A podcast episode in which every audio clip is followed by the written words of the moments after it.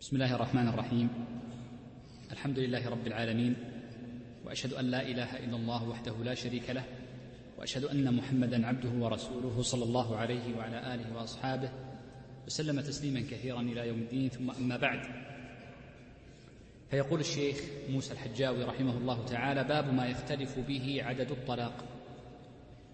المصنف رحمه الله تعالى في الفصول السابقة بين اللفظة التي تقع بها أو يقع بها الطلاق واللفظة التي لا يقع بها الطلاق. وبين أن الألفاظ ثلاثة أنواع. ألفاظ يقع بها الطلاق ولو لم ينوي بذلك اللفظ حكم الطلاق. ألفاظ يقع بها الطلاق وإن لم ينوي حكم الطلاق. وهذه هي التي تسمى باللفظ الصريح أو الألفاظ الصريحة للطلاق. النوع الثاني الألفاظ التي لا يقع بها الطلاق إلا أن ينوي الطلاق. وهذه هي الألفاظ الكنائية. والنوع الثالث من الألفاظ الألفاظ التي لا يقع بها طلاق مطلقا. وهي الألفاظ التي تكون بعيدة عن معنى الطلاق. ليست دالة على الطلاق مطلقا كقوله لها اشرب الماء. أو اطرق الباب. فليس هذان اللفظان دالين على الطلاق بمعنى لا قريب ولا معنى بعيد. وذكر المصنف أيضا أن مما يلحق بهذا الأمر وهو اللفظ الذي لا يدل على الطلاق مطلقا ولو نواه ولا يقع به الطلاق ولو نواه ما كان صريحا في غير الطلاق كألفاظ الظهار.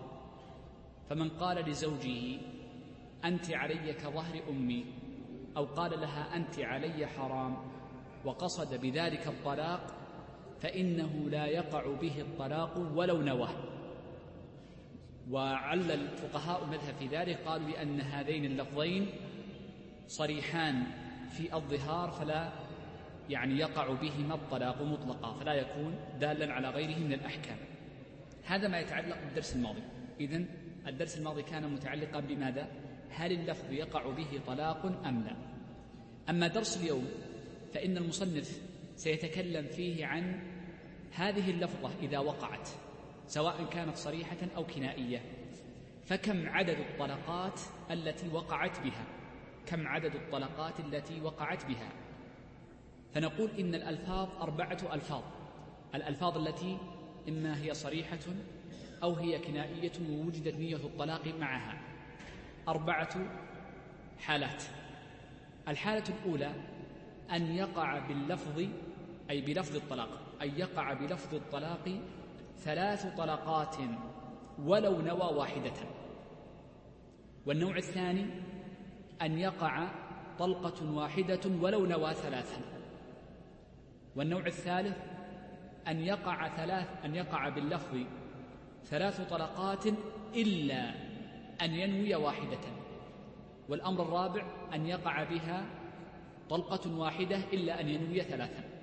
لا يوجد في هذا الباب غير هذه الأمور الأربع فقط. نعيد هذه الأربع على سبيل السرعة.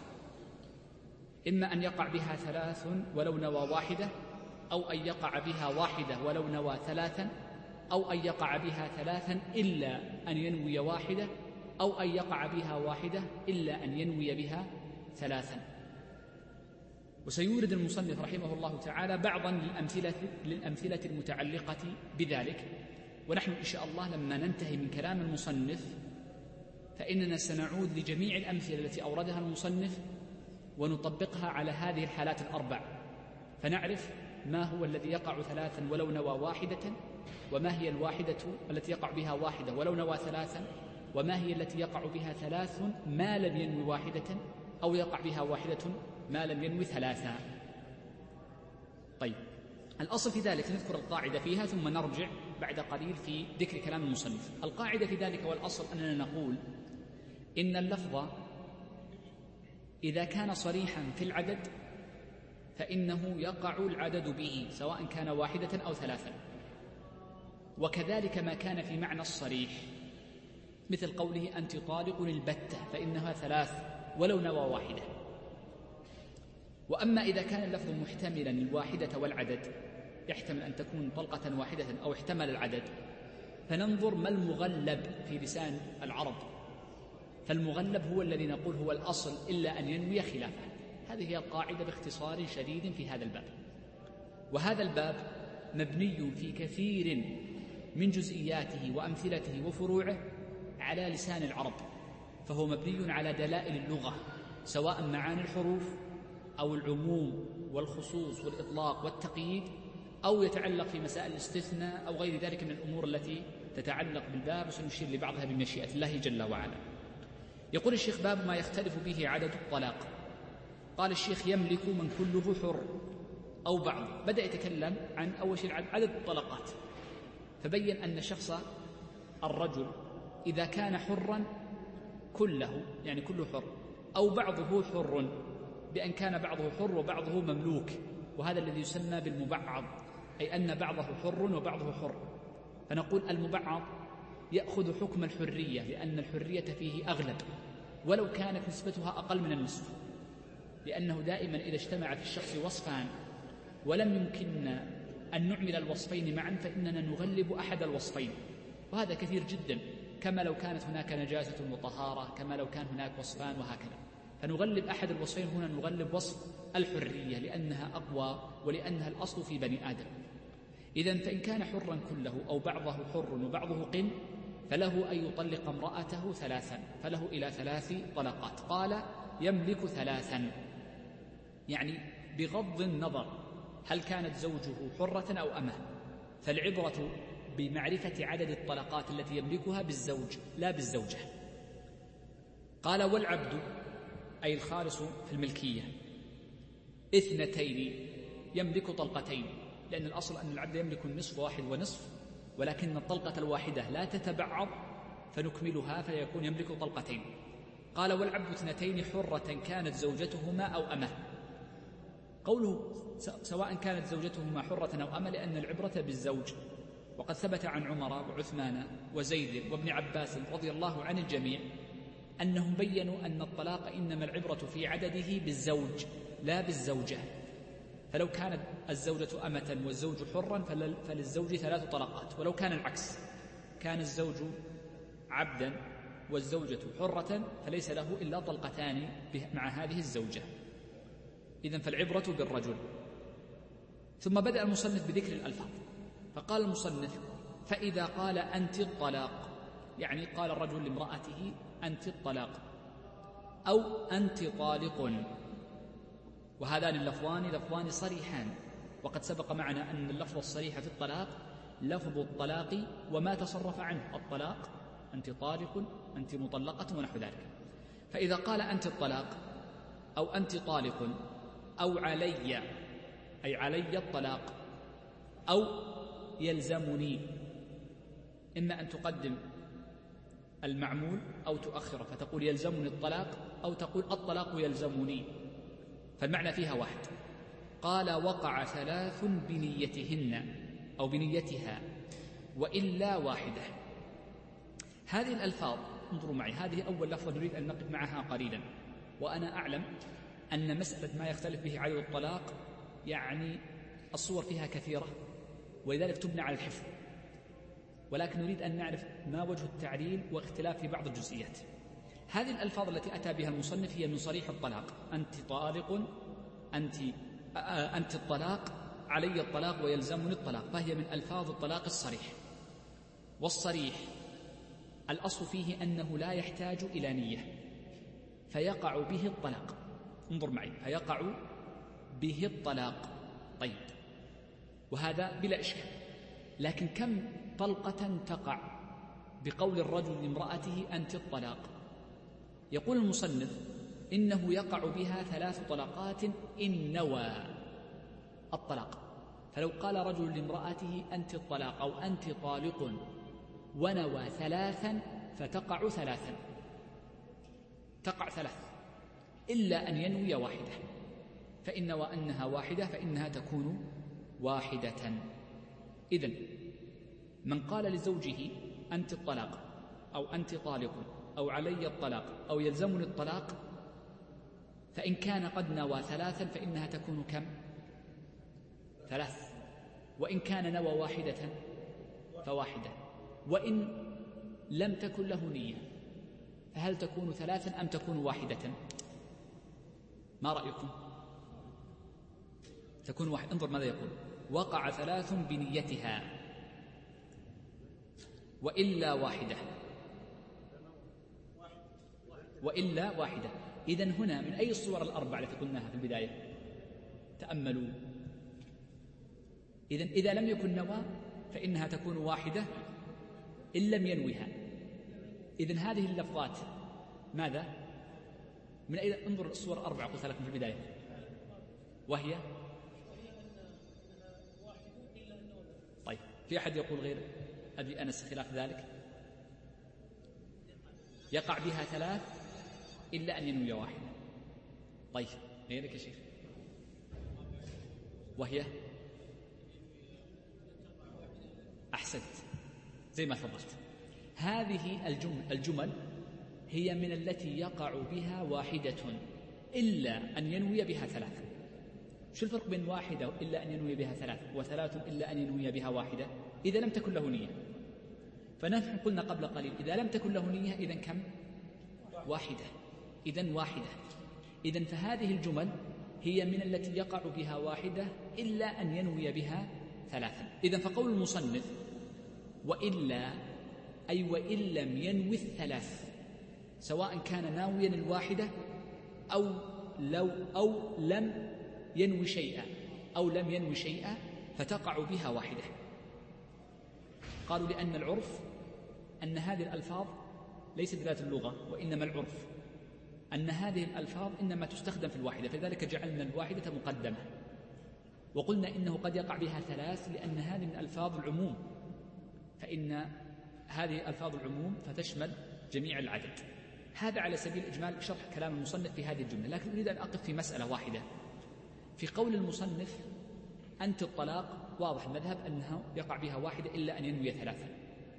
وأما قول الرجل لزوجته أنت طالق فالمذهب المعتمد عند المتأخرين كما ذكر المصنف أنها واحدة إلا أن ينوي ثلاثة. وقد ذكر المرداوي في الإنصاف أن أكثر المتقدمين على أنه يقع بها واحدة مطلقة. أكثر متقدمي فقهائنا على أنه يقع بها واحدة. إذن على الرواية الثانية ذكرها المرداوي أنه يقع بها واحدة على قول المتقدمين فتكون من أي الأنواع الأربع. إذا قال أنت طالق ليس أنت الطلاق. أنت طلاق واحدة إلا أن يقع بها ثلاثة لكن أنت طالق. أنت طالق. لا يا شيخ محمد تكفى تقع واحدة ولو نوى ثلاثة. انتبهوا. سأعيد لكم الأمر أربع احفظوها. من لم يحفظها ويكتبها يكتبها. قلنا جميع الصيغ واحدة من أربع. إما أن يقع بها ثلاث ولو نوى واحدة وإما أن تقع واحدة ولو نوى ثلاث وإما أن تقع ثلاث إلا أن ينوي واحدة وإما أن تقع واحدة إلا أن ينوي ثلاث. كتبتها اكتبها اكتبها. لأن سأسألكم في كل جملة من الجمل القادمة. عدها شيخ سعود. أعيدها. ثلاث ولو نوى واحدة. واحدة ولو نوى ثلاثة. ثلاث إلا أن ينوي واحدة. واحدة إلا أن ينوي ثلاثة.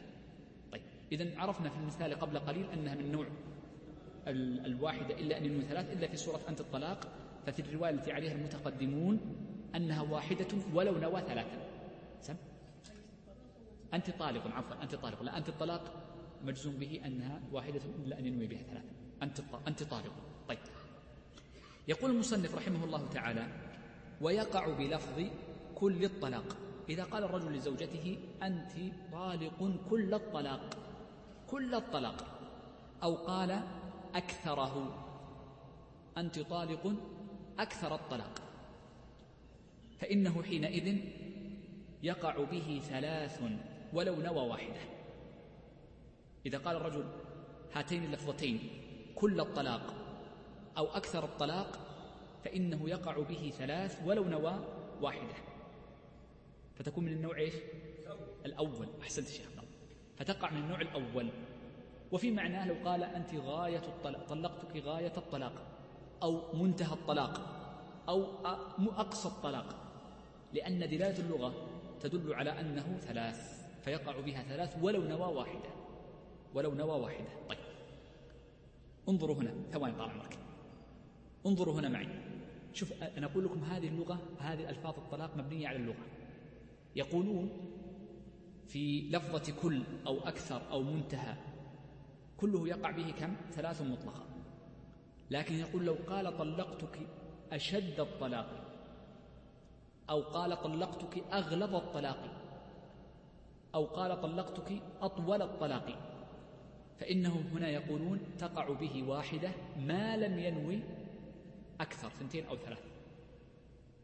انظر فرقوا بناء على اللفظ. لأن يقول الأطول قد تكون طلقة واحدة والأغلظ قد تكون طلقة واحدة. لكن قوله كل الطلاق وأكثر الطلاق ومنتهى الطلاق وغاية الطلاق تدل على التعدد وهو أكثرها من حيث العدد. إذا نظروا للفظة العدد. هذه جملة. إذا قول المصنف ويقع بلفظ كل الطلاق أو أكثره من أي الأنواع الأربع. ها شيخ موسى من النوع الأول الذي هو ثلاث إلا ولو. ولو نواة واحدة أحسن. طيب خلي السؤال في آخر الدرس أحسن كالعادة. يقول الشيخ أو عدد الحصى. لو قال رجل لامرأته طلقتك عدد الحصى. أو قال بعدد الريح. الريح كل يوم تأتينا ريح. الهواء كثير جدا. أو نحو ذلك. طبعا قول المصنف ولو نحو ذلك. أي كل شيء يقتضي العدد. إذا قول المصنف ونحو ذلك مما يقتضي العدد. فما لا يقتضي العدد فلا يأخذ الحكم مثل ما قلنا أغلظ وأطول فإنه لا يأخذ لا يقتضي العدد. وكذلك لو قال طلقتك ملء الجبل يقول أو طلقتك كالجبل الجبل قد يكون واحد وقد يكون مكون من حجارة وذلك فإنه يحتمل فيكون واحدة إلا أن ينوي ثلاثة. لو قال طلقتك عدد الحصى والريح عدد الحصى أو عدد الريح فإنه يقع به ثلاث ولو نوى واحدة. جاء رجل ابن عباس رضي الله عنهما فقال إنني طلقت امرأتي بعدد النجوم. عدد النجوم عدد نجوم السماء والله أعلم كم عددها. فقال إنما يكفيك ثلاث بانت منك زوجتك بعدد النجوم. لم يقل كم ما الذي تريده؟ ما هي نيتك؟ فدلنا ذلك على أن من طلق زوجه ووصف لفظ الطلاق بشيء صريح في العدد فإنه لا ننظر لنيته فنقول طلقت بعدد هذه الطلقات. طيب. قال ونحو ذلك عرفنا أن المقصود نحو ذلك مما يتعدد من الألفاظ التي تتعدد وضربنا أمثلة لها قبل قليل. قال وقع به ثلاث ولو نوى واحدة لأنها صريحة في اللفظ وصريحة أيضا في في العدد وصريحة في العدد. أحسنت. طيب. بدأ الشيخ يتكلم رحمه الله تعالى عن مسألة يعني تتعلق بجزء من الطلاق وهو تبعيض الطلاق. هل يتبعض الطلاق أم لا؟ نحن قلنا العدد لكن هل يتبعض أم لا؟ يقول وإن طلق عضوا من المرأة قال طلقت يدك طلقت رجلك طلقت رأسك. قال أو جزءا مشاعا طلقت نصفك ربعك ثلثك. قد تستغرب لكن وجد هذا الشيء قديما ووجد حديثا. ومن جلس في القضاء أو جلس يستمع لفتوى الناس فإنه سيجد أنهم قالوا ذلك. فهذا موجود. فالفقهاء عندما يذكرون هذه الأشياء يذكرونها بناء على وجودها ليست فرضا للمسائل. هذا من جهة.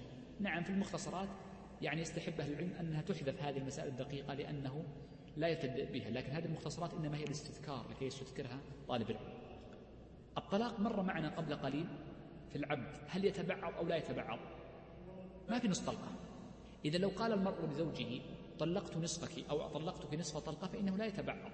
وبناء على ذلك فيقع الطلاق على كلها. وذلك قال لو طلق عضوا من جسدها أو جزءا مشاعا كالربع والنصف والثلث ولو قال واحد من مئة منك أو معينا طلقت يدك هذه أو مبهما يدا من يدك ونحو ذلك. أو قال نصف طلقة هناك أجزاء من المرأة وهنا أجزاء من الطلقة. أو قال طلقتك نصف طلقة أو جزءا من طلقة. يعني جزء محدد. طلقتك جزءا من طلقة. يعني مبهم هذا الجزء. قال طلقت. أي طلقت هذه المرأة كاملة. طلقة كاملة. والقاعدة في ذلك والعلة أن الطلاق لا يتبعض. هناك في الشريعة أشياء تقبل التبعض وهناك أشياء لا تقبل التبعض. مما يقبل التبعض البيع والشراء. ولذلك عندنا مبدأ اسمه مبدأ تفريق الصفقة. ومما لا يقبل التبعض الطلاق. الطلاق لا يتبعض. الطلاق لا يتبعض. طيب. انظروا معي. سأعطيكم مسألة وانتبهوا لها. إذا قال الرجل لامرأة أنت طالق نصف طلقة فما الذي يقع؟ طلقة كاملة. في حد يقول خلاف ذلك؟ طيب. لو قال رجل لامرأة لامرأته طبعا لابد أن تكون امرأته. لو قال رجل لامرأته أنت طالق نصف طلقة وربع طلق ونصف طلقة نصف طلقة ونصف طلقة. كم تطلق من طلقة؟ واحدة. لأن النصف والنصف كم؟ واحد. في أحد يقول غير ذلك؟ نعم. تطلق طلقتين أحسنت شيخ. لأن قوله الأولى طلقتك نصف طلقة هي طلقة واحدة ما يتبعض الطلاق؟ ونصف طلقة إذا أن هذه المرأة طلقت طلقتين. طيب لو قال طلقتك ربع طلقة وربع طلقة. طلقة تعتبر طلقتين. تعتبر طلقتين لأن ربع طلقة طلقة ما عندنا الربع هذا نجبر الكسر مثل المدرسين. والثاني نجبر الكسر مباشرة. فنقول هي طلقتان. طيب انظروا هذه المسألة. لو قال رجل لامرأته مثلا طلقتك أربعة أو ثلاثة أرباع طلقة. زين؟ وطلقتك نصف طلقة. ثلاثة أرباع ونصف. يطلع المجموع كم؟ تتبع طلقتين. أحسنت. لأن هناك نجبر النقص ولو كانت أكثر. واضحة المسألة. يقول الشيخ وعكسه إيش معنى وعكسه؟ يعني لو أنه طلق هذه الأشياء فلا يقع الطلاق. قال وعكسه الروح. لو قال رجل لامرأته طلقت روحك يقول لا يقع الطلاق. لأن الروح تنفصل عند النوم وتنفصل عند يعني الوفاة فهي قد تنفصل. فالشيء المنفصل لا يقع في الإمكان طلقه بانفصال فتنفصل عند الحياة طبعا هذا هو الذي ذكره المصنف ومشى عليه. وإلا فإن المتأخرين لهم روايتان. وقد قوى عدد من المتأخرين أنه يقع الطلاق لو قال طلقت روحك. لأن الروح وقت وقت التطليق هي متصلة. ولو انفصلت حال النوم فإن فيها اتصال جزئي. ولكن المصنف ذهب إلى هذا المعنى. قال أو قال طلقت سنك. طلاق السن لا يقع به الطلاق. لما؟ لأن السن منفصل. أو قال طلقت شعرك. أو قال طلقت ظفرك. لأن الطلاق طلقت ظفرك بمعنى أنه ينفصل ويرمى في الزبالة. ونحوها أي ونحوها من الألفاظ كما لو قال طلقت عراقك طلقت دمعك. يعني أي شيء ينفصل مثلا غير الدمع والعرق يعني طلقت آه، ريقك طلقت مثلا آه، جنينك أو حملك. لأن الحمل ينفصل. فكل ما يمكن أن ينفصل في الحياة من غير آه، وفاة أو إضرار بالشخص فإنه حينئذ لا يقع الطلاق إذا وجه إليه. ومثله العتق يقولون يعني لو قال رجل لمن يعتق طلق أعتقت سنك فإنه لا يعتق. لكن لو قال أعتقت دمك فإنه حينئذ يعتق. وهكذا. طيب. انظر هذه مسألة دقيقة جدا وأريد أن تنتبهوا لها. يقول الشيخ هذه يبغى لها تركيز؟ إذا قال لمدخول بها أنت طالق وكرره أي وكرر ماذا؟ الجملة كاملة ليس كرر لفظ الطلاق وإنما كرر الجملة كلها. أنت طالق أنت طالق أنت طالق. ماذا يقول المصنف؟ وقع العدد إلا أن ينوي تأكيدا يصح أو إفهاما. سأشرح بعد قليل ما معنى نية أن ينوي تأكيدا يصح أو إفهاما. إذا قول الرجل لزوجته أنت طالق أنت طالق أنت طالق. من أي الأنواع الأربع؟ وهو أنها تقع ثلاثا إلا أن ينوي بها واحدة. ودك أن تعرف هذه المسألة. انظر المسألة الأخرى. لو قال المصنف أو عفوا قال المصنف لو قال الزوج لزوجته أنت طالق طالق طالق. كرر ماذا؟ كرر لفظ الطلاق ولم يكرر الجملة كاملة. فهذه يقولون واحدة ما لم ينوي ثلاثة. انظر الفرق بين الجملتين أنت طالق أنت طالق أنت طالق فهي ثلاث ما لم ينوي واحدة. لأن كل جملة كاملة في معناها. فالأصل فيها التأسيس لا التأكيد جملة مستقلة. لكن لو قال أنت طالق طالق طالق فالكلمة طالق الثانية ليست كاملة. أتى فقط بالخبر فمعنى التأكيد فيها أقوى ولذلك غلبنا فنقول واحدة إلا أن ينوي ثلاثا. وضحت المسألة؟ طيب. يقول إلا أن ينوي تأكيدا. ما هي أن ينوي الواحدة؟ أن ينوي تأكيدا. يصح يصح أن يكون تأكيدا. كيف يكون؟ يصح أن يكون تأكيدا. بمعنى أنه لا بد أن يكون هذا التكرار متصلا. يجب أن يكون متصلا. لأن غير المتصل يقول لا يصح يكون تأكيدا وإنما يكون إخبارا وسيأتي الإخبار إن شاء الله بعد في الباب الذي بعده. فلو قال أنا أردت أن أؤكد الطلقة الأولى نقول لا ما ليس تأكيد. يجب أن يكون متصلا عادة. إذا فقوله يصح لا يكون التأكيد صحيحا إلا أن يكون متصلا. وأما إن كان منفصلا فقد وقع الطلاق الثاني. لو رجل قال لامرأته أنت طالق ثم بعد خمس دقائق أراد أن يؤكد الطلقة الأولى قال أنت طالق. نقول وقعت طلقتان بعد خمس دقائق قال أنت طالق. تأكيد للثالثة نقول وقعت كم؟ ثلاثة طلقات. إذا لابد أن يكون نوى ومع النية شرطها وهو الاتصال. وهذا معنى قوله يصح. يصح. إذا من شرط التأكيد أن يصح. قال أو إفهاما. إفهام إذا كانت ما فهمت. يعني يكون دلالة القرآن. قال أنا قصدي أفهمها. فلم تسمعني. أردت أن أعيدها لك لتفهم. فنقول هنا فرق بين نية التأكيد وبين نية الإفهام. طيب. الصورة التي بعدها قال وإن كرر ببل. رجل قال لامرأته أنت طالق. بل أنت طالق. أو بثم. فقال أنت طالق. ثم أنت طالق. أو بالفاء. فقال أنت طالق. فأنت طالق. فإنه في حينئذ تقع اثنتان. لم يعبر المصنف بالثلاث لماذا؟ لأنه حذف مسألة أخرى وهو إذا قال أنت طالق فطالق فطالق فأراد بالطالق الثالثة تأكيد الثانية. خلنا نرجع للمسألة الثنتين وأقول لماذا لم يأتي بالثلاث. إذا قال الرجل لزوجته أنت طالق فطالق. أنت طالق فطالق. أو أنت طالق فأنت طالق. ونوى التأكيد نقول لا يقبل. لا يقبل لأن الجملة الثانية تختلف عن الجملة الأولى. فيها زيادة فاء أو فيها زيادة ثم أو فيها بل.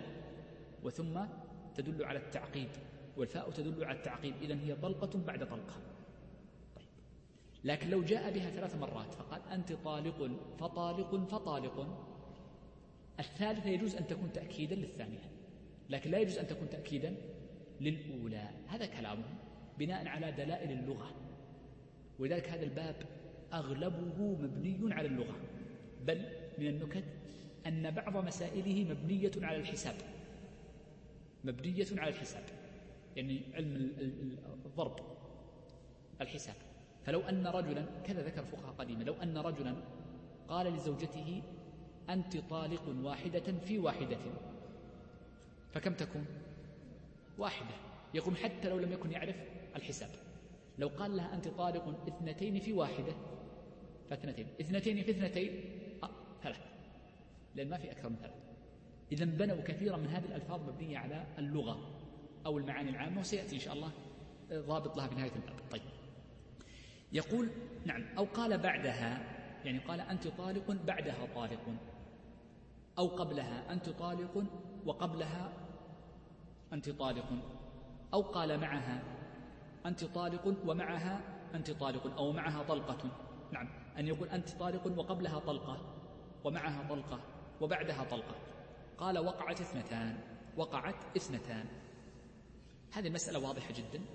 إذا فقول الرجل لزوجته أنت طالق فطالق أو ثم طالق فمن أي أنواع الطلاق؟ الأربع.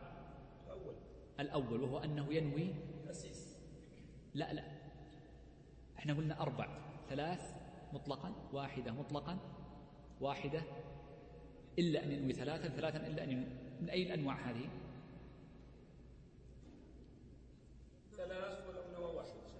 قول الرجل لزوجته أنت طالق بل طالق أو فطالق أو ثم طالق. من أي الأنواع الطلاق؟ كل واحد من النوع الأول. يقع به العدد. لكن لو كان معها ثالثة فالثالثة هي التي تحتمل التأكيد وتحتمل التأسيس. طيب. الثالثة لو قال أنت طالق فطالق فطالق. الأولى والثانية يقع بها طلقتان. الثالثة هل تقع بها طلقة ثالثة؟ تحتمل التأكيد. إذا وجدت نية التأكيد. قلت قبل قليل أن الثانية لا يمكن أن تكون تأكيدا لأن بينها وبين الأولى حرف ثم أو بل. فدل على أنها جملة تختلف عن الجملة الأولى. الجملة الأولى أنت طالق والجملة الثانية فأنت فأنت فأنت. زين؟ ففيها زيادة لفظ هذا واحد. الأمر الثاني أن الفاء وثم يدلان على التعقيب. فالأولى ثم جاءت بعدها الثانية.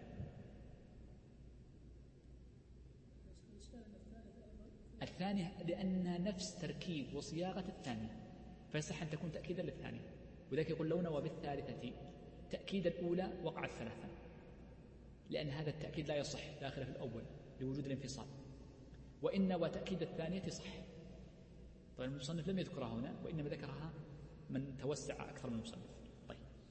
يقول الشيخ رحمه الله تعالى وإن لم يدخل بها نحن نعلم أن المرأة إذا لم يكن قد دخل بها الزوج فطلقها طلقة واحدة. قال أنت طالق. أنت طالق. بانت ولا لم تبن؟ هل عليها عدة؟ ليس عليها عدة. فلو قال أنت طالق خلاص بعد دقيقة واحدة يجوز أن تتزوج رجلا ثاني ليس فما لكم عليهن من عدة تعتدونها. إذا لو طلقها بعد الطلقة الثانية بخمس دقائق ما وقع الطلق.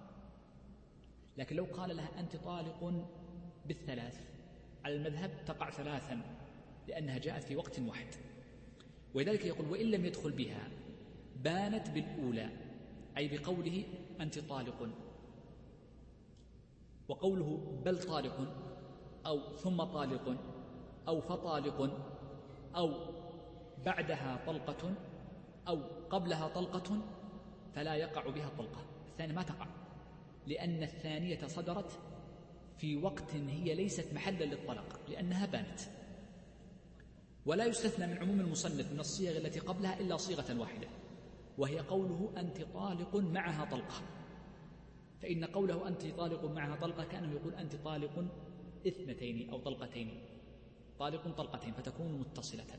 إذا فقول المصنف وإن لم يدخل بها بانت بالأولى أي بجميع الألفاظ السابقة. إلا في قوله أنت طالق معها طلقة فتقع اثنتين معا ولو كانت غير مدخول بها. تقع ثلاث. المذهب إذا قال أنت طالق. طلقة مع طلقة. مثل طلقة مع طلقة. نعم. لأنها مع جاءت في وقت واحد. فغير المدخول بها طبعا مشهور المذهب نتكلم لا يقع بها إلا طلقة واحدة إلا أن تكون من اللفظ المجموع. طيب. يقول ولم يلزمه ما بعد ما بعدها لأنها جاءت في غير محلها. قال والمعلق كالمنجز في هذا. المعلق فيما لو علق على شرط سيأتي الدرس القادم بمشيئة الله عز وجل. يقول المصنف فصل. بدأ في هذا الفصل بذكر أحكام الاستثناء. الاستثناء. بمعنى يعني ما الذي يستثنى من الطلاق؟ هل يجوز الاستثناء أم لا؟ والاستثناء هو إخراج بعض أجزاء المستثنى منه بلفظ متصل. لا بد أن يكون متصلا. فتكلم هنا عن أحكام الاستثناء. فقال ويصح منه. انظر الضمير في قول المصنف ويصح منه يحتمل أن يكون عائدا للزوج. وبناء على ذلك فلا يصح الاستثناء في الطلاق إلا من المتكلم به وهو الزوج أو وكيل الزوج. وغيره لا يصح استثناؤه مطلقا لا الزوج ولا غيرها هذا واحد. ويمكن أن يكون قوله في, في منه أن الضمير عائد إلى الطلاق أي ويصح الاستثناء من الطلاق وكلا المعنيين صحيح. قال ويصح منه استثناء النصف فأقل.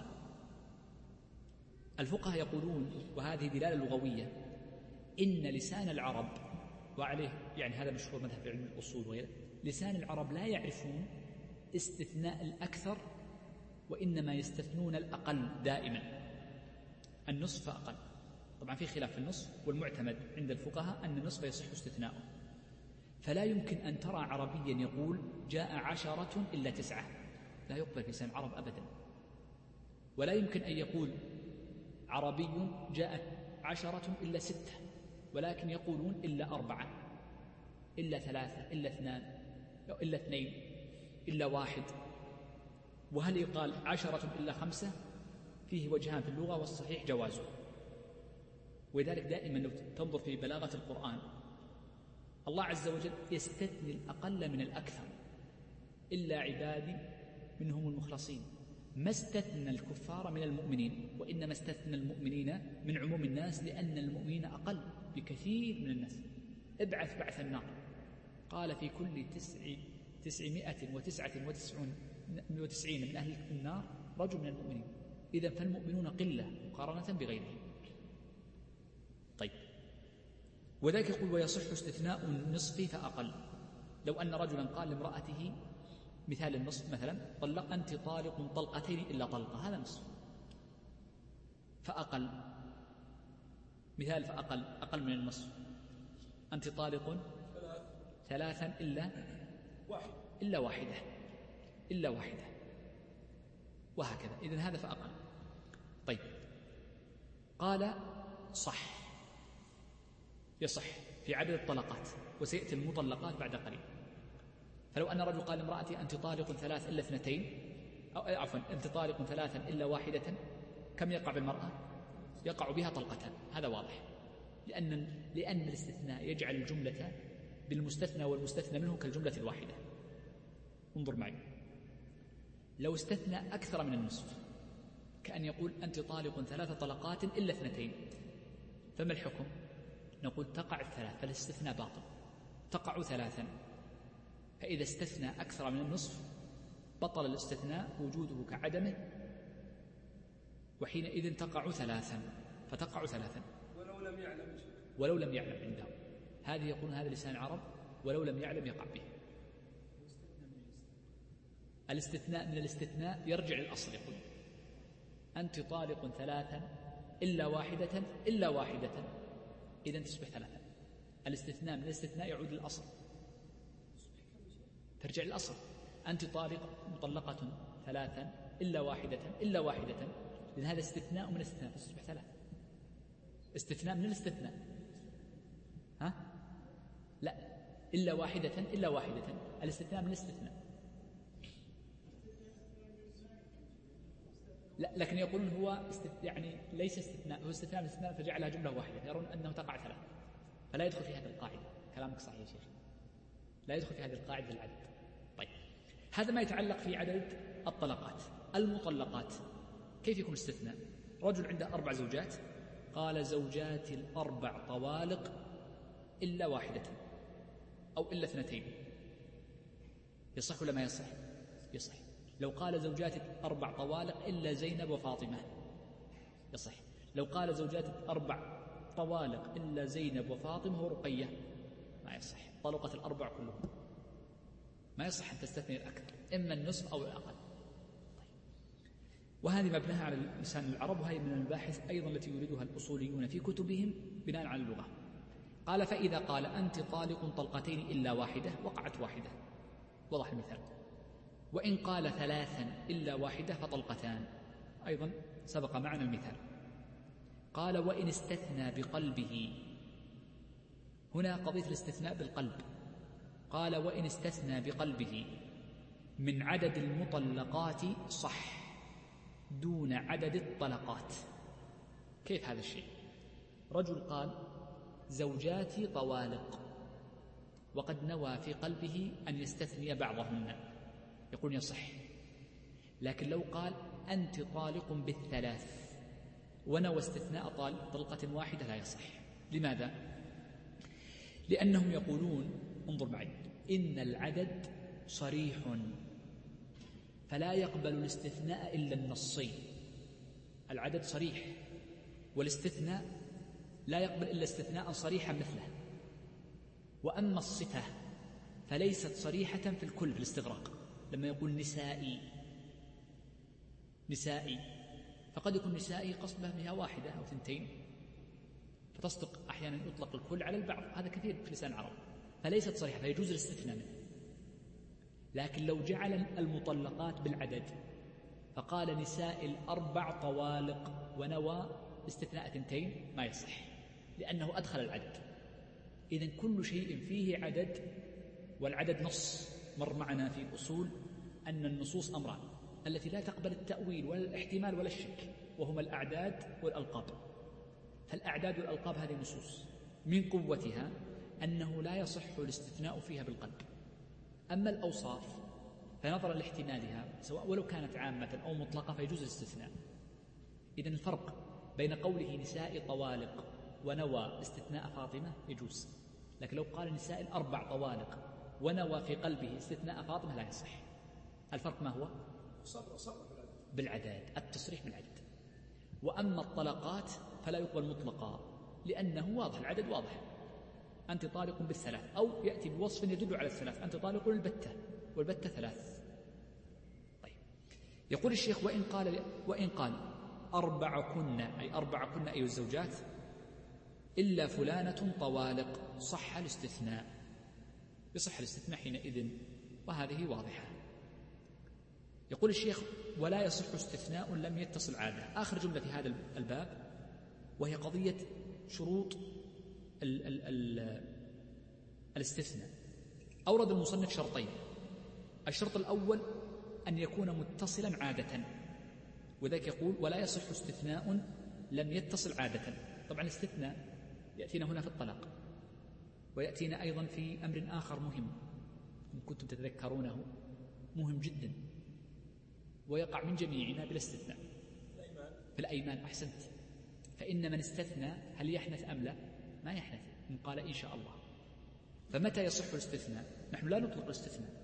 لو أطلقنا الاستثناء فإنه لا يحنث رجل في الدنيا أبدا.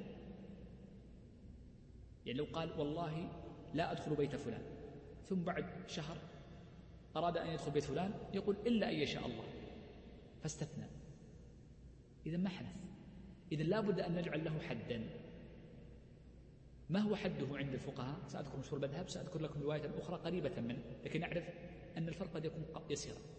المذهب يقولون لم يتصل عادة. إذا لم يتصل يجب أن يكون متصلا. والاتصال عادة. إذا الأمر الأول أن يكون متصلا والاتصال عادة. إذ ال ال ال ال الاتصال عفوا الانفصال الذي لا يؤثر بالعادة لا يضر مثل النفس مثل السعال مثل العطاس الذي ليس مؤثرا عادة.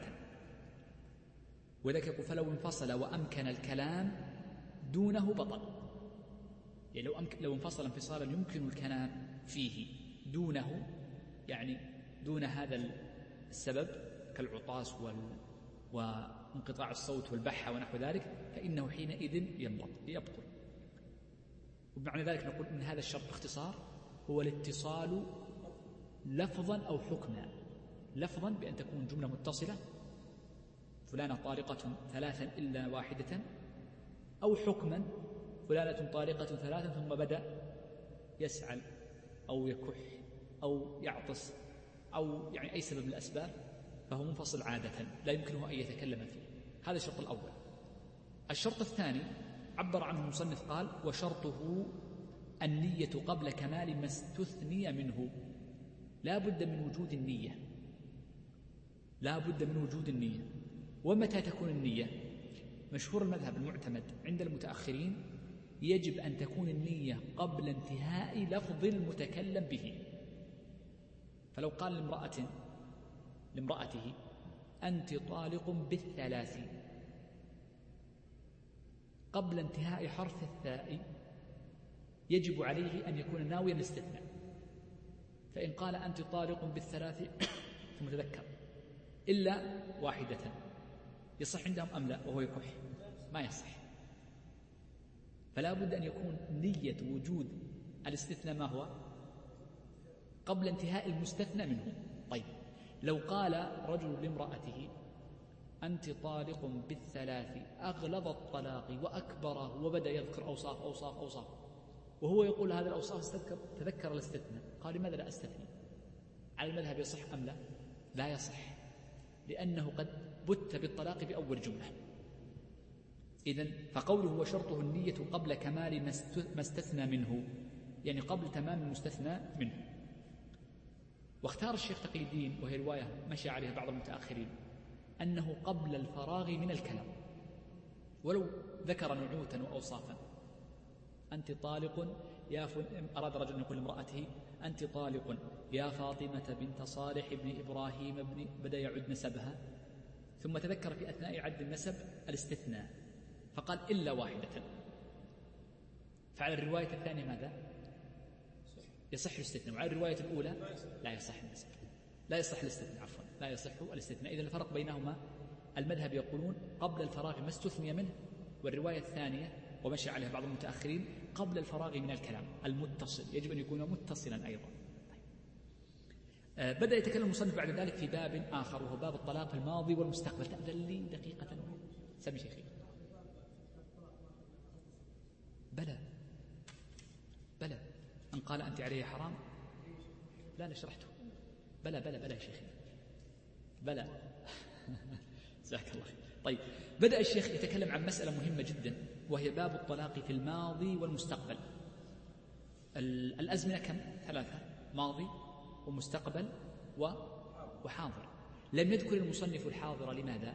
لأنه الأصل وهو الأصل. لكن هنا يعني يتكلم عن الماضي والمستقبل وهو أغلب الباب وقد يستطرد. وذاك دائما كتب الفقه من من إشكالاتها أنه قلما يخلو باب من استطراد من استطراد خارج عن هذا الباب ولذلك ألفت كتب تسمى بالخوادم.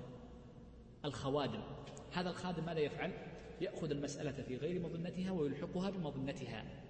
الخادم مثلا للرافعي خبايا الزوايا للزركشي أيضا على الرافعي وخاصة يعتنون بالكتب الموسعة. فهناك كتب تسمى خوادم فهنا في هذا الباب مع الأصل أن لا يتكلم إلا عن الماضي والمستقبل ومع ذلك فإنه أورد شيئا يتعلق بالحاضر.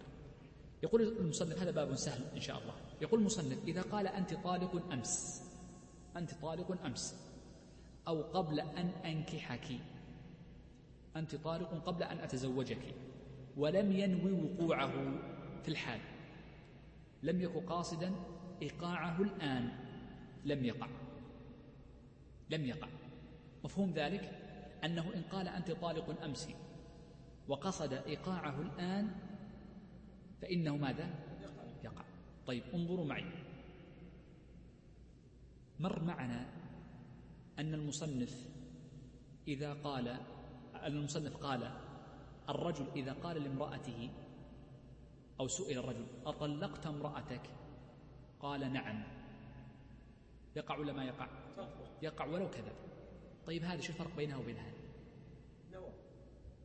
لا هنا قلنا ننظر للنية. ولو ولو كذب أعيد المسألة؟ شيخ محمد فاتح. عندنا مسألة انظروا الفرق بينهما. أعطوني الفرق. الحكم سأذكره وأعطوني الفرق من حيث المعنى. لو أن رجلا سأل آخر فقال أطلقت امرأتك؟ قال نعم. قلنا هذا صريح في الطلاق يقع ولو ولو كان كاذبا. طلقت. امرأتك قال نعم. لكن لو قال طلقتها أمس لا يقع إلا أن ينوي طلاقها الآن. طيب. أعطيكم صورة في الوسط. حكاية وإخبار. لو أن رجلا قال طلقت امرأتي وينوي أمس. يقع. هنا لماذا لم يوقعوا؟ لأنه أضاف الطلاق إلى زمن. لابد أن يضيفه إلى زمن. لأن قول الرجل إحنا قلنا في الصريح كل ألفاظ الطلاق حتى لو قال أنت طالق بصفة الماضي. أي صفة ماضي؟ أي أي صفة يقع بها الطلاق. إلا إذا أضافه لزمن. لابد أن يضيفه لزمن. يقول أمسي. كما لو قال الرجل أطلقت امرأتك؟ قال نعم أمسي. هنا يدخل في الحكم. لو زاد كلمة أمسي أو قبل شهر أو قبل الزواج هنا يأخذ الحكم. إذا لم يضف كلمة الزمان الماضي لابد أن يضيف الزمان. الجملة لا تدل على الزمان وحدها فإنه لا يطلق إلا أن ينميها. سمشة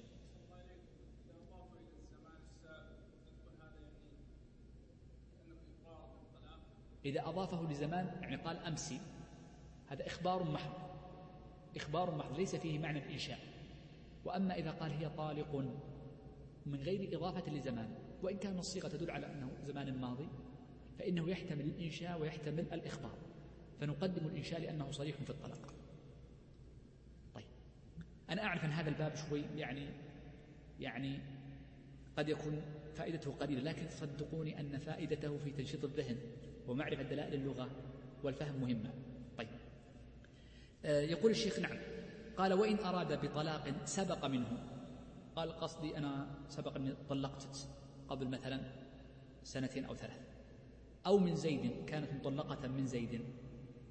وأمكن أي وأمكن أن صحة كلامه يعني أمكن أن خبره يحتمل الصدق. لأنه قد طلقها قبله أو طلقها زيد قبله قبل قوله قبل قوله مباشرة أمام القاضي قال فإن مات أي الزوج أو جن أو خرس يعني فقد النطق قبل بيان مراده أو قبل العلم أيضا بمراده قد لا يتكلم قبل أن يعلم مراده. لم تطلق. والسبب في ذلك لأن هذه اللفظة الأصل فيها عدم الوقوع. قال وإن قال يعني رجل قال امرأة يعني كتب في ورقة طلقت زوجتي منذ شهر. ويحتمل أنه يكون قد أضافها إلى طلاق سابق الأول. وهكذا فحينئذ نقول لا تطلق الاحتمال الشك والطلاق لا يقع بالشك. يقول الشيخ وإن قال أنت طالق ثلاثا. قبل قدوم زيد بشهر. هذه مسألة دقيقة يبغى لها فهم. لأن بعد هذه المسألة وهذا الباب سنقف قليلا ونسترجع جميع الصور الأربع نحفظها يقول الشيخ وإن قال أنت طالق ثلاثا. رجل قال لزوجته أنت طالق ثلاثا قبل قدوم زيد بشهر. هل يصح هذه الصيغة أم لا؟ تصح. وتقع الطلقة قبل قدوم زيد بشهر. رجل قال لامرأته أنت طالق قبل قدوم زيد بشهر؟ قالها في شهر محرم. وقدم زيد في أول شهر رمضان. تطلق متى؟ في شهر شعبان أول شهر شعبان. قبله بشهر تماما. الآن ستأتي كلام الشيخ. سيأتي. يعني قبل قدوم بشهر. طيب. قال إذا قال آه، أنت طالق ثلاثا قبل قدوم زيد بشهر. فيصح حينئذ.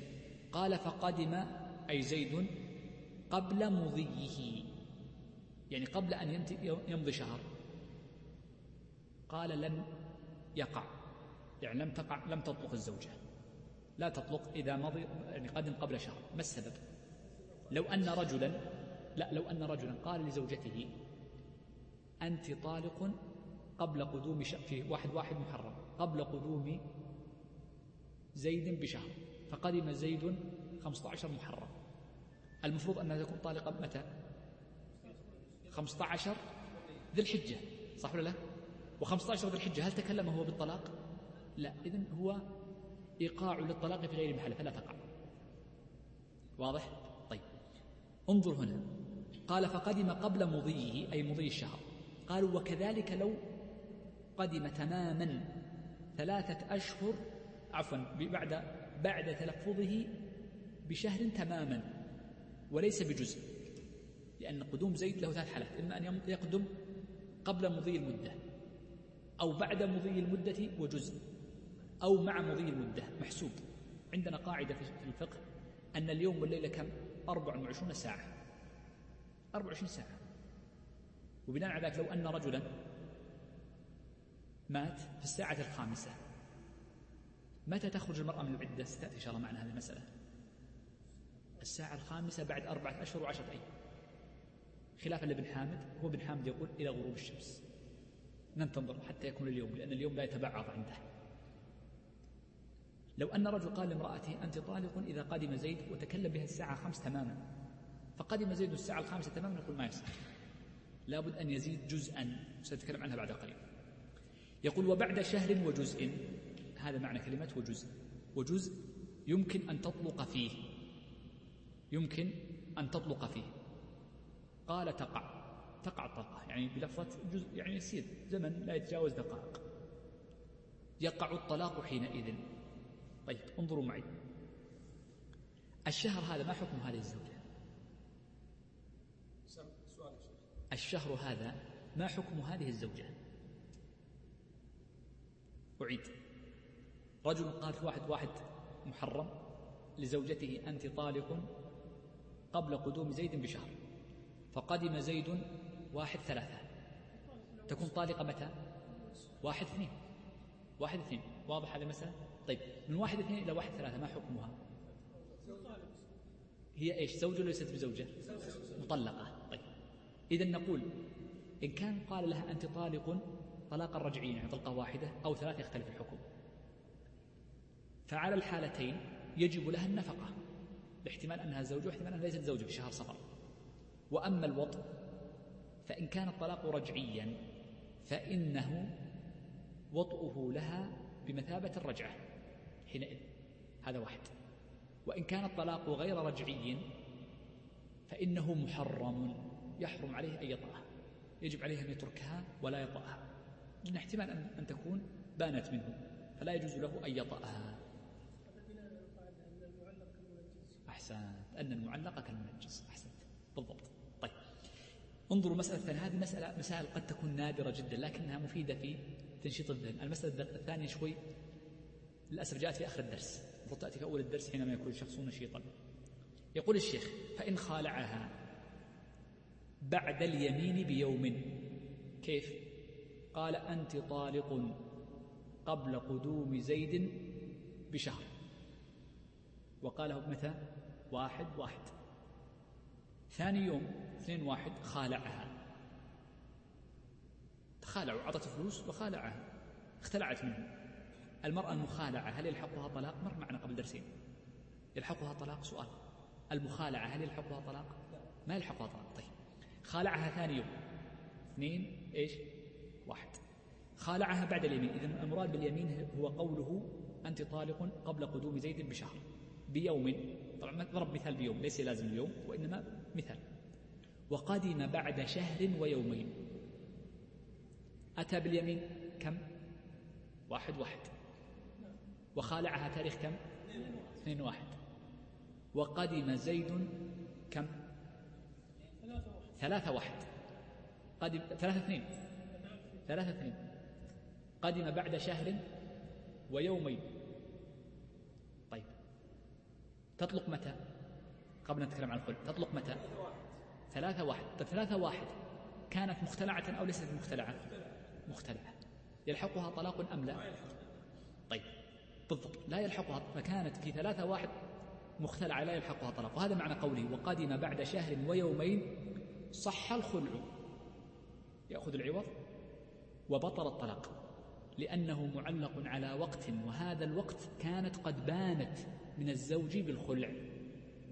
قال وعكسهما. إيش معنى وعكسهما؟ يعني يبطل الخلع ويصح الطلاق.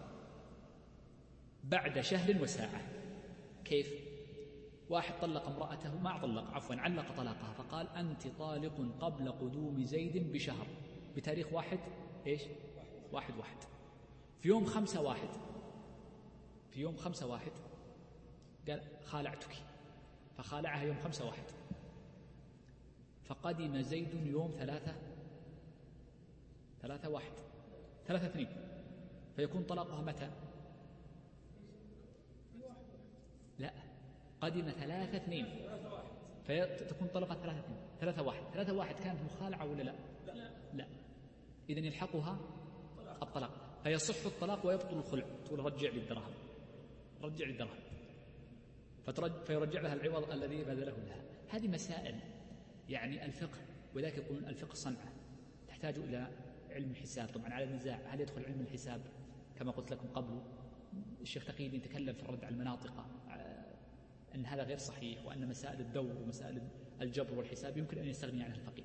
لكنها تحتاج إلى رياضة لكي ترتاض في ألفاظ الناس وتحتاج أن تكون عالما بلغتهم. ولذلك يقول أبو إسحاق الشاطبي لا يمكن أن يكون المرء فقيها. ناهيك أن يكون مجتهدا إلا أن يكون عالما بلسان العرب ولغتهم. وهذه المعاني فيها عناية بهذه الأمور. طيب. آخر جملة أختم بها بس أختم بهذه الجملة. يقول وإن قال لأني أريد أن أشرح الفصل الذي بعده بسرعة. قال وإن قال طالق قبل موتي. يعني قال رجل لزوجته أنت طالق قبل موتي. قال طلقت في الحال. أو طلقت في الحال. لماذا؟ لأنه الآن يسمى عليه وقت قبل موته. فيحتمل من حين التلفظ إلى حين قبل الوفاة بدقيقة. فكل هذا يسمى قبل فنأخذه بأول الزمانة. وعندنا قاعدة أن الفعل إذا أمكن نسبته إلى زمانين فنأخذ الأحوط منهما وهو الأول في هذه الصورة وأحيانا قد يكون أخير. قال وعكسه معه أو بعده. عكسه يعني لا يقع به طلاق. إذا قال لا يقع الطلاق إذا قال أنت طالق مع موتي. معه أي مع موتي. أو قال أنت طالق بعد موتي. لأن وقت الموت لا يقع فيه طلاق. وهكذا. طيب أختم بمسألة قبل أن أجب عن سؤالك يا شيخ. نحن قلنا إن ألفاظ الطلاق التي يختلف بها الطلاق تنقسم إلى أربعة حال أو أربع حالات. نسيت هذا كوني إياها نعم. يلا عطنا شيخ. ولو نوى واحدة. ولو نوى واحدة. ولو نوى ثلاثة. شيخ. ثلاثا إلا أن ينوي واحدة. شيخ واحدة إلا أن ينوي ثلاثة. سأذكر لكم صورا وقولوا لي تندرج تحت أي صورة من هذه الصور. لو أن رجلا قال لزوجه أنت طالق بالثلاث. أنت طالق بالثلاث. فمن أي الأنواع؟ الأولى. الأولى. فتقع ثلاث ولو نوى واحدة. طيب. لو قال رجل لامرأته أنت طالق أكثر الطلاق.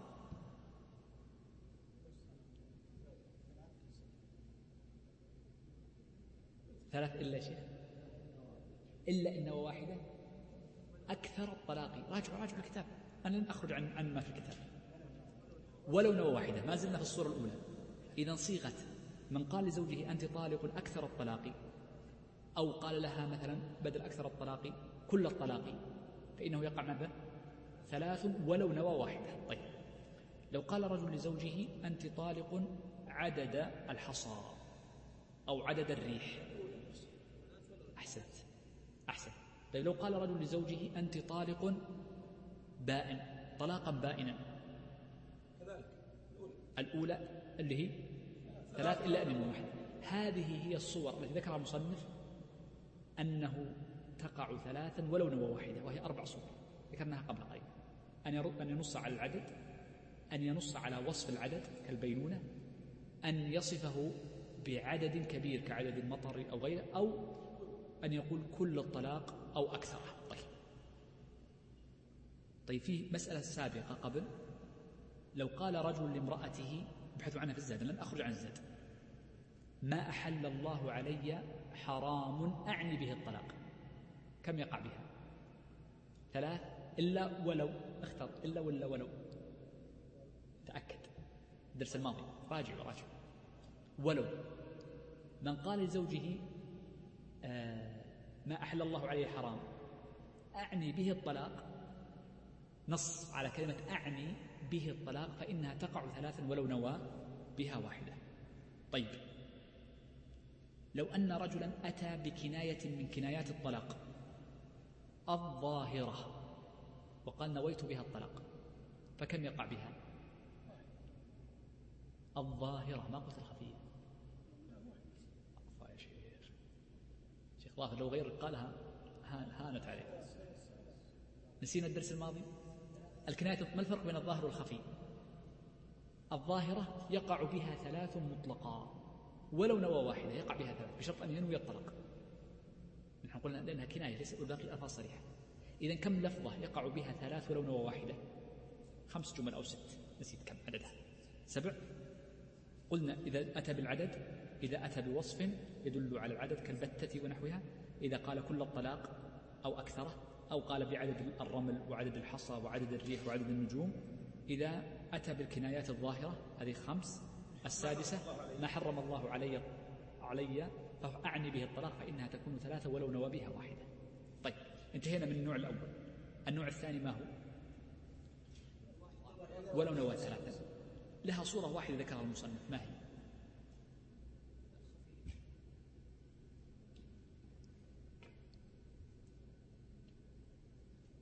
طبعا ذكرها بالمفهوم وأنا ذكرتها شرحا هكذا سريعا. لو قال رجل لزوجه أنت طالق واحدة نص على العدد. إذا نص على العدد لا نتعداه. أنت طالق واحدة قال أنوي ثلاث. نقول كم؟ واحدة لأن العدد نص والنية لا تؤثر فيه فاللفظ أقوى من, من النية. متى تؤثر النية؟ في اللفظ إذا كان ليس نصا ليس عددا ولا اسما. فحينئذ يقبل إذا متى يكون واحدة ولا يقبل ولو نوى ثلاثا إذا نص على الرقم واحدة؟ طيب. الصورة الثالثة أو الحالة الثالثة؟ الطلاق يقع به ثلاث إلا أن ينوي بها واحدة. ما هي صورتها؟ طالق طالق طالق. تكرار اللفظ بدون حرف عطف. لا تكفى. تكرار الطلاق مع الجملة ولا بدون الجملة لا مع الجملة. أنت طالق أنت طالق أنت طالق.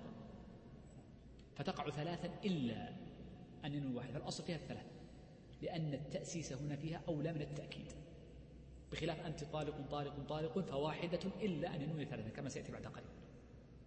إذا متى يكون ثلاثا إلا أن ينوي واحدة؟ الصورة الأولى ما هي؟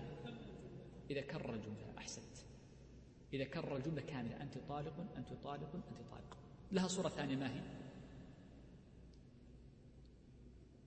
إذا عطف بين الجملة بثم أو الفاء أو بل وهكذا فإنها إلا أن ينوي التأكيد في الثالثة وهكذا. طيب الحالة الأخيرة وهي أن تكون طلقة واحدة إلا أن ينوي ثلاثة. أتينا بها قبل قليل سهلة جدا. طالق طالق أنت طالق طالق طالق. فهي ماذا؟ واحدة إلا أن ينوي بها ثلاثة. صورة ثانية من يذكر هذه؟ الكنايات الخفية أحسنت. هذه الصورة الثانية. بشرط أن ينوي الطلاق. لا أن ينوي الطلاق عموم مطلق الطلاق. فهي واحدة. قال لا نية لي فهي واحدة. إلا أن ينوي ثلاثة. بقيت جملة فيها أربع جمل. تذكروها. فيه واحدة. إذا قال لها إذا قال الزوج لامرأته هذه الجملة فإنه تقع بها واحدة إلا أن ينوي ثلاثة. لا أشد الطلاق انتهينا منه أنت الطلاق أحسنت. أنت الطلاق أو أنت طالق أو قوله أو علي الطلاق أو يلزمني الطلاق أو يلزمني الطلاق. اللهم في خلاف قضية أنت طالق. فبعض الفقهاء يرى أنها واحدة إلا أن ينوي ثلاثا وقال بعضهم وهي رواية قوية في المذهب جدا واحدة مطلقة ولو نوى ثلاثا. أنت طالق؟ قالوا فتقدم دلالة العرف في هذه الحال طيب آخر جزئية إن شاء الله في عشر دقائق خمس دقائق أنهي هذا الباب لأنه أريد أن ننتهي من الطلاق الطلاق كله ألفاظ نريد أن نستعجل فيه فلا نريد أن نطيل في الدرس. آه، بدأ يتكلم المصنف عن مسألة التعليق التعليق تعليق الطلاق.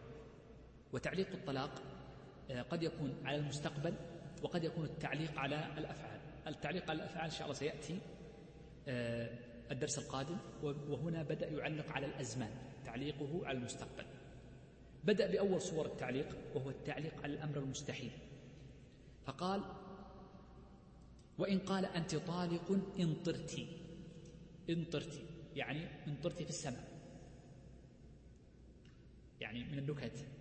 كان المشايخ يعني يجيبون نكتة واحد من الذين يقرؤون مختصرات الفقه مثل الزاد على بعض المشايخ لكنه لا يفقه ما يقرأ وما أكثر يعني يصير هذا الشيء. فيقرأ على الشيخ على أحد المشايخ رحمة الله عليه فقال له قال وقوله وأنت طارق انطرت انطرت يعني إذا طرأت على الشخص ولكن مع تسهيل الهمز. لا هي ليست وانطرت انطرتي الكتب القديمة ليست مشكلة. مثل الذي ويسن غسل حصر الجمار ومثل غيرها من الجمل قد يكون هناك تصحيف فيها كثير. وهذه من التصحيف الذي حدث في كتب الفقه. طيب قال وإن وقوله وإن أنت طالق إن طرت أو صعدت السماء أو قلبت الحجر ذهبا ونحوه من المستحيل لم تطلق. إذا علق الطلاق على أمر مستحيل إما عادة أو أنه مستحيل في نفسه. مستحيل عادة مثل ما ذكر المصنف. لا يمكن الشخص أن يطير إلى السماء وحده ولا أن يصعد في السماء ولا أن يقلب الحجر ذهب.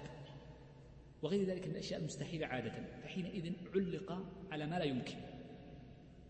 ما لا يقع. إذن لا يحنث في التعليق ولا في اليمين وحينئذ لا تقع الطلاق ومثله المستحيل في نفسه كالجمع بين الضدين والجمع بين النقيضين فإنه حينئذ يعني لا يقع طلاقه. فلو قال رجل يعلم يعرف المصطلحات فقال لزوجته أنت طالق إن جمعت بين النقيضين أو جمعت بين الضدين. ما يقع طلاقها لأنه هذا مستحيل في ذاته في نفسه. طيب. قال وتطلق في عكسه. وش عكسه؟ يعني عدم الفعل المستحيل. هناك علقه على وجود الفعل المستحيل فلا تطلق. وإن علقه على عدم الفعل المستحيل طلقت في الحال فورا. التعليق على الفعل المستحيل أنت طالق إن طرت. التعليق على عدم الفعل المستحيل أنت طالق إذا لم تطيري. هي ما جالسة واقفة ما طارت. فهو تعليق على العدم. إذا قوله وتطلق في عكسه أي في التعليق على عدم الفعل المستحيل مثل إن لم تطيري إن لم تصعدي إلى السماء إن لم تقلبي أنت طارق إن لم تقلبي الحجر ذهبا قال وهو النفي في المستحيل ذكرت قبل قليل. وضرب أمثلة أخرى. غير الأمثلة الأولى قال مثل لأقتلن الميت. لو قال رجل لزوجته أنت طالق إن لم أقتل الميت أو علي الطلاق لأقتلن الميت يقول يقع مباشرة الميت لا يقتل مات. أو لأصعدن السماء ونحو ذلك من الأمثلة. بدأ المصنف الآن انتهينا من الصورة الأولى وهي التعليق على المستحيل. بدأ يتكلم المصنف الآن عن التعليق على المستقبل. يقول وإن قال الرجل وأنت طالق اليوم إذا جاء غد فلغو لا تطلق لا اليوم ولا غد. لماذا؟ لأنه لا يمكن أن تطلق اليوم ويكون معلق على أمر مستقبل. لكن بخلاف لو قال أنت طالق غدا. لو قال أنت طالق غدا فتطلق غدا. لكن قوله أنت طالق اليوم إذا جاء غدا ما يصح. ففيه تعليق؟ سم. لا لو قال أنت طالق إذا جاء الغد صح. تطلق بالغد. لكن قال أنت طالق اليوم إذا جاء غدا؟ ما يصح هذا نوع له يعني أنت طالق اليوم إذا جاء غدا. لا لأن تعليق اليوم بالغد لا يمكن أن يجتمع. بمثابة الجمع بين الضدين. مثل الجمع بين الضدين. مثل الجمع بين الضدين. نحن قلنا إن اجتماع الضدين لا يقع فيه طلاق فكذلك لغو. بالضبط.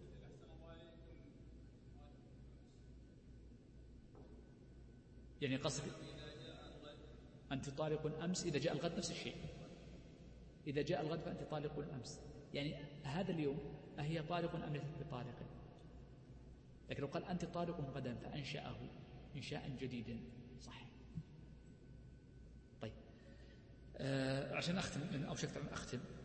آه قال وإن قال أنت طالق في هذا الشهر أو اليوم طلقت في الحال. هذا يعتبر من الصيغ الحالة. وإن كان الشهر طويل لأن عندنا قاعدة أن الزمان إذا كان له طرفان فينسب الفعل لأوله لأنه الأحوط. فتطلق من هذه اللحظة من قال في هذا الشهر قال وإن قال أنت طالق في الغد أو يوم السبت أو في رمضان طلقت في أوله يعني في أول يوم من الغد يعني بطلوع الفجر. وبطلوع الفجر من السبت أو, أو, أو بدئه يوم السبت. إذا قال يوم السبت أما لو قال السبت مطلقا فتطلق من الليل. وفي رمضان بغروب آخر ليلة من شعبان. قال وإن قال أردت آخر الكل. قال أنا قصدي نيتي الأخير. قال دين يعني يعني قبل قوله. دين وقبل يعني قبل قوله. استثنى بعضهم مسألة واحدة.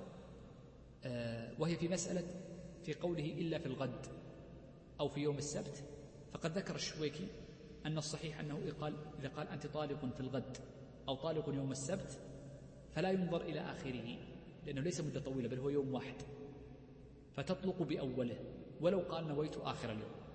طيب.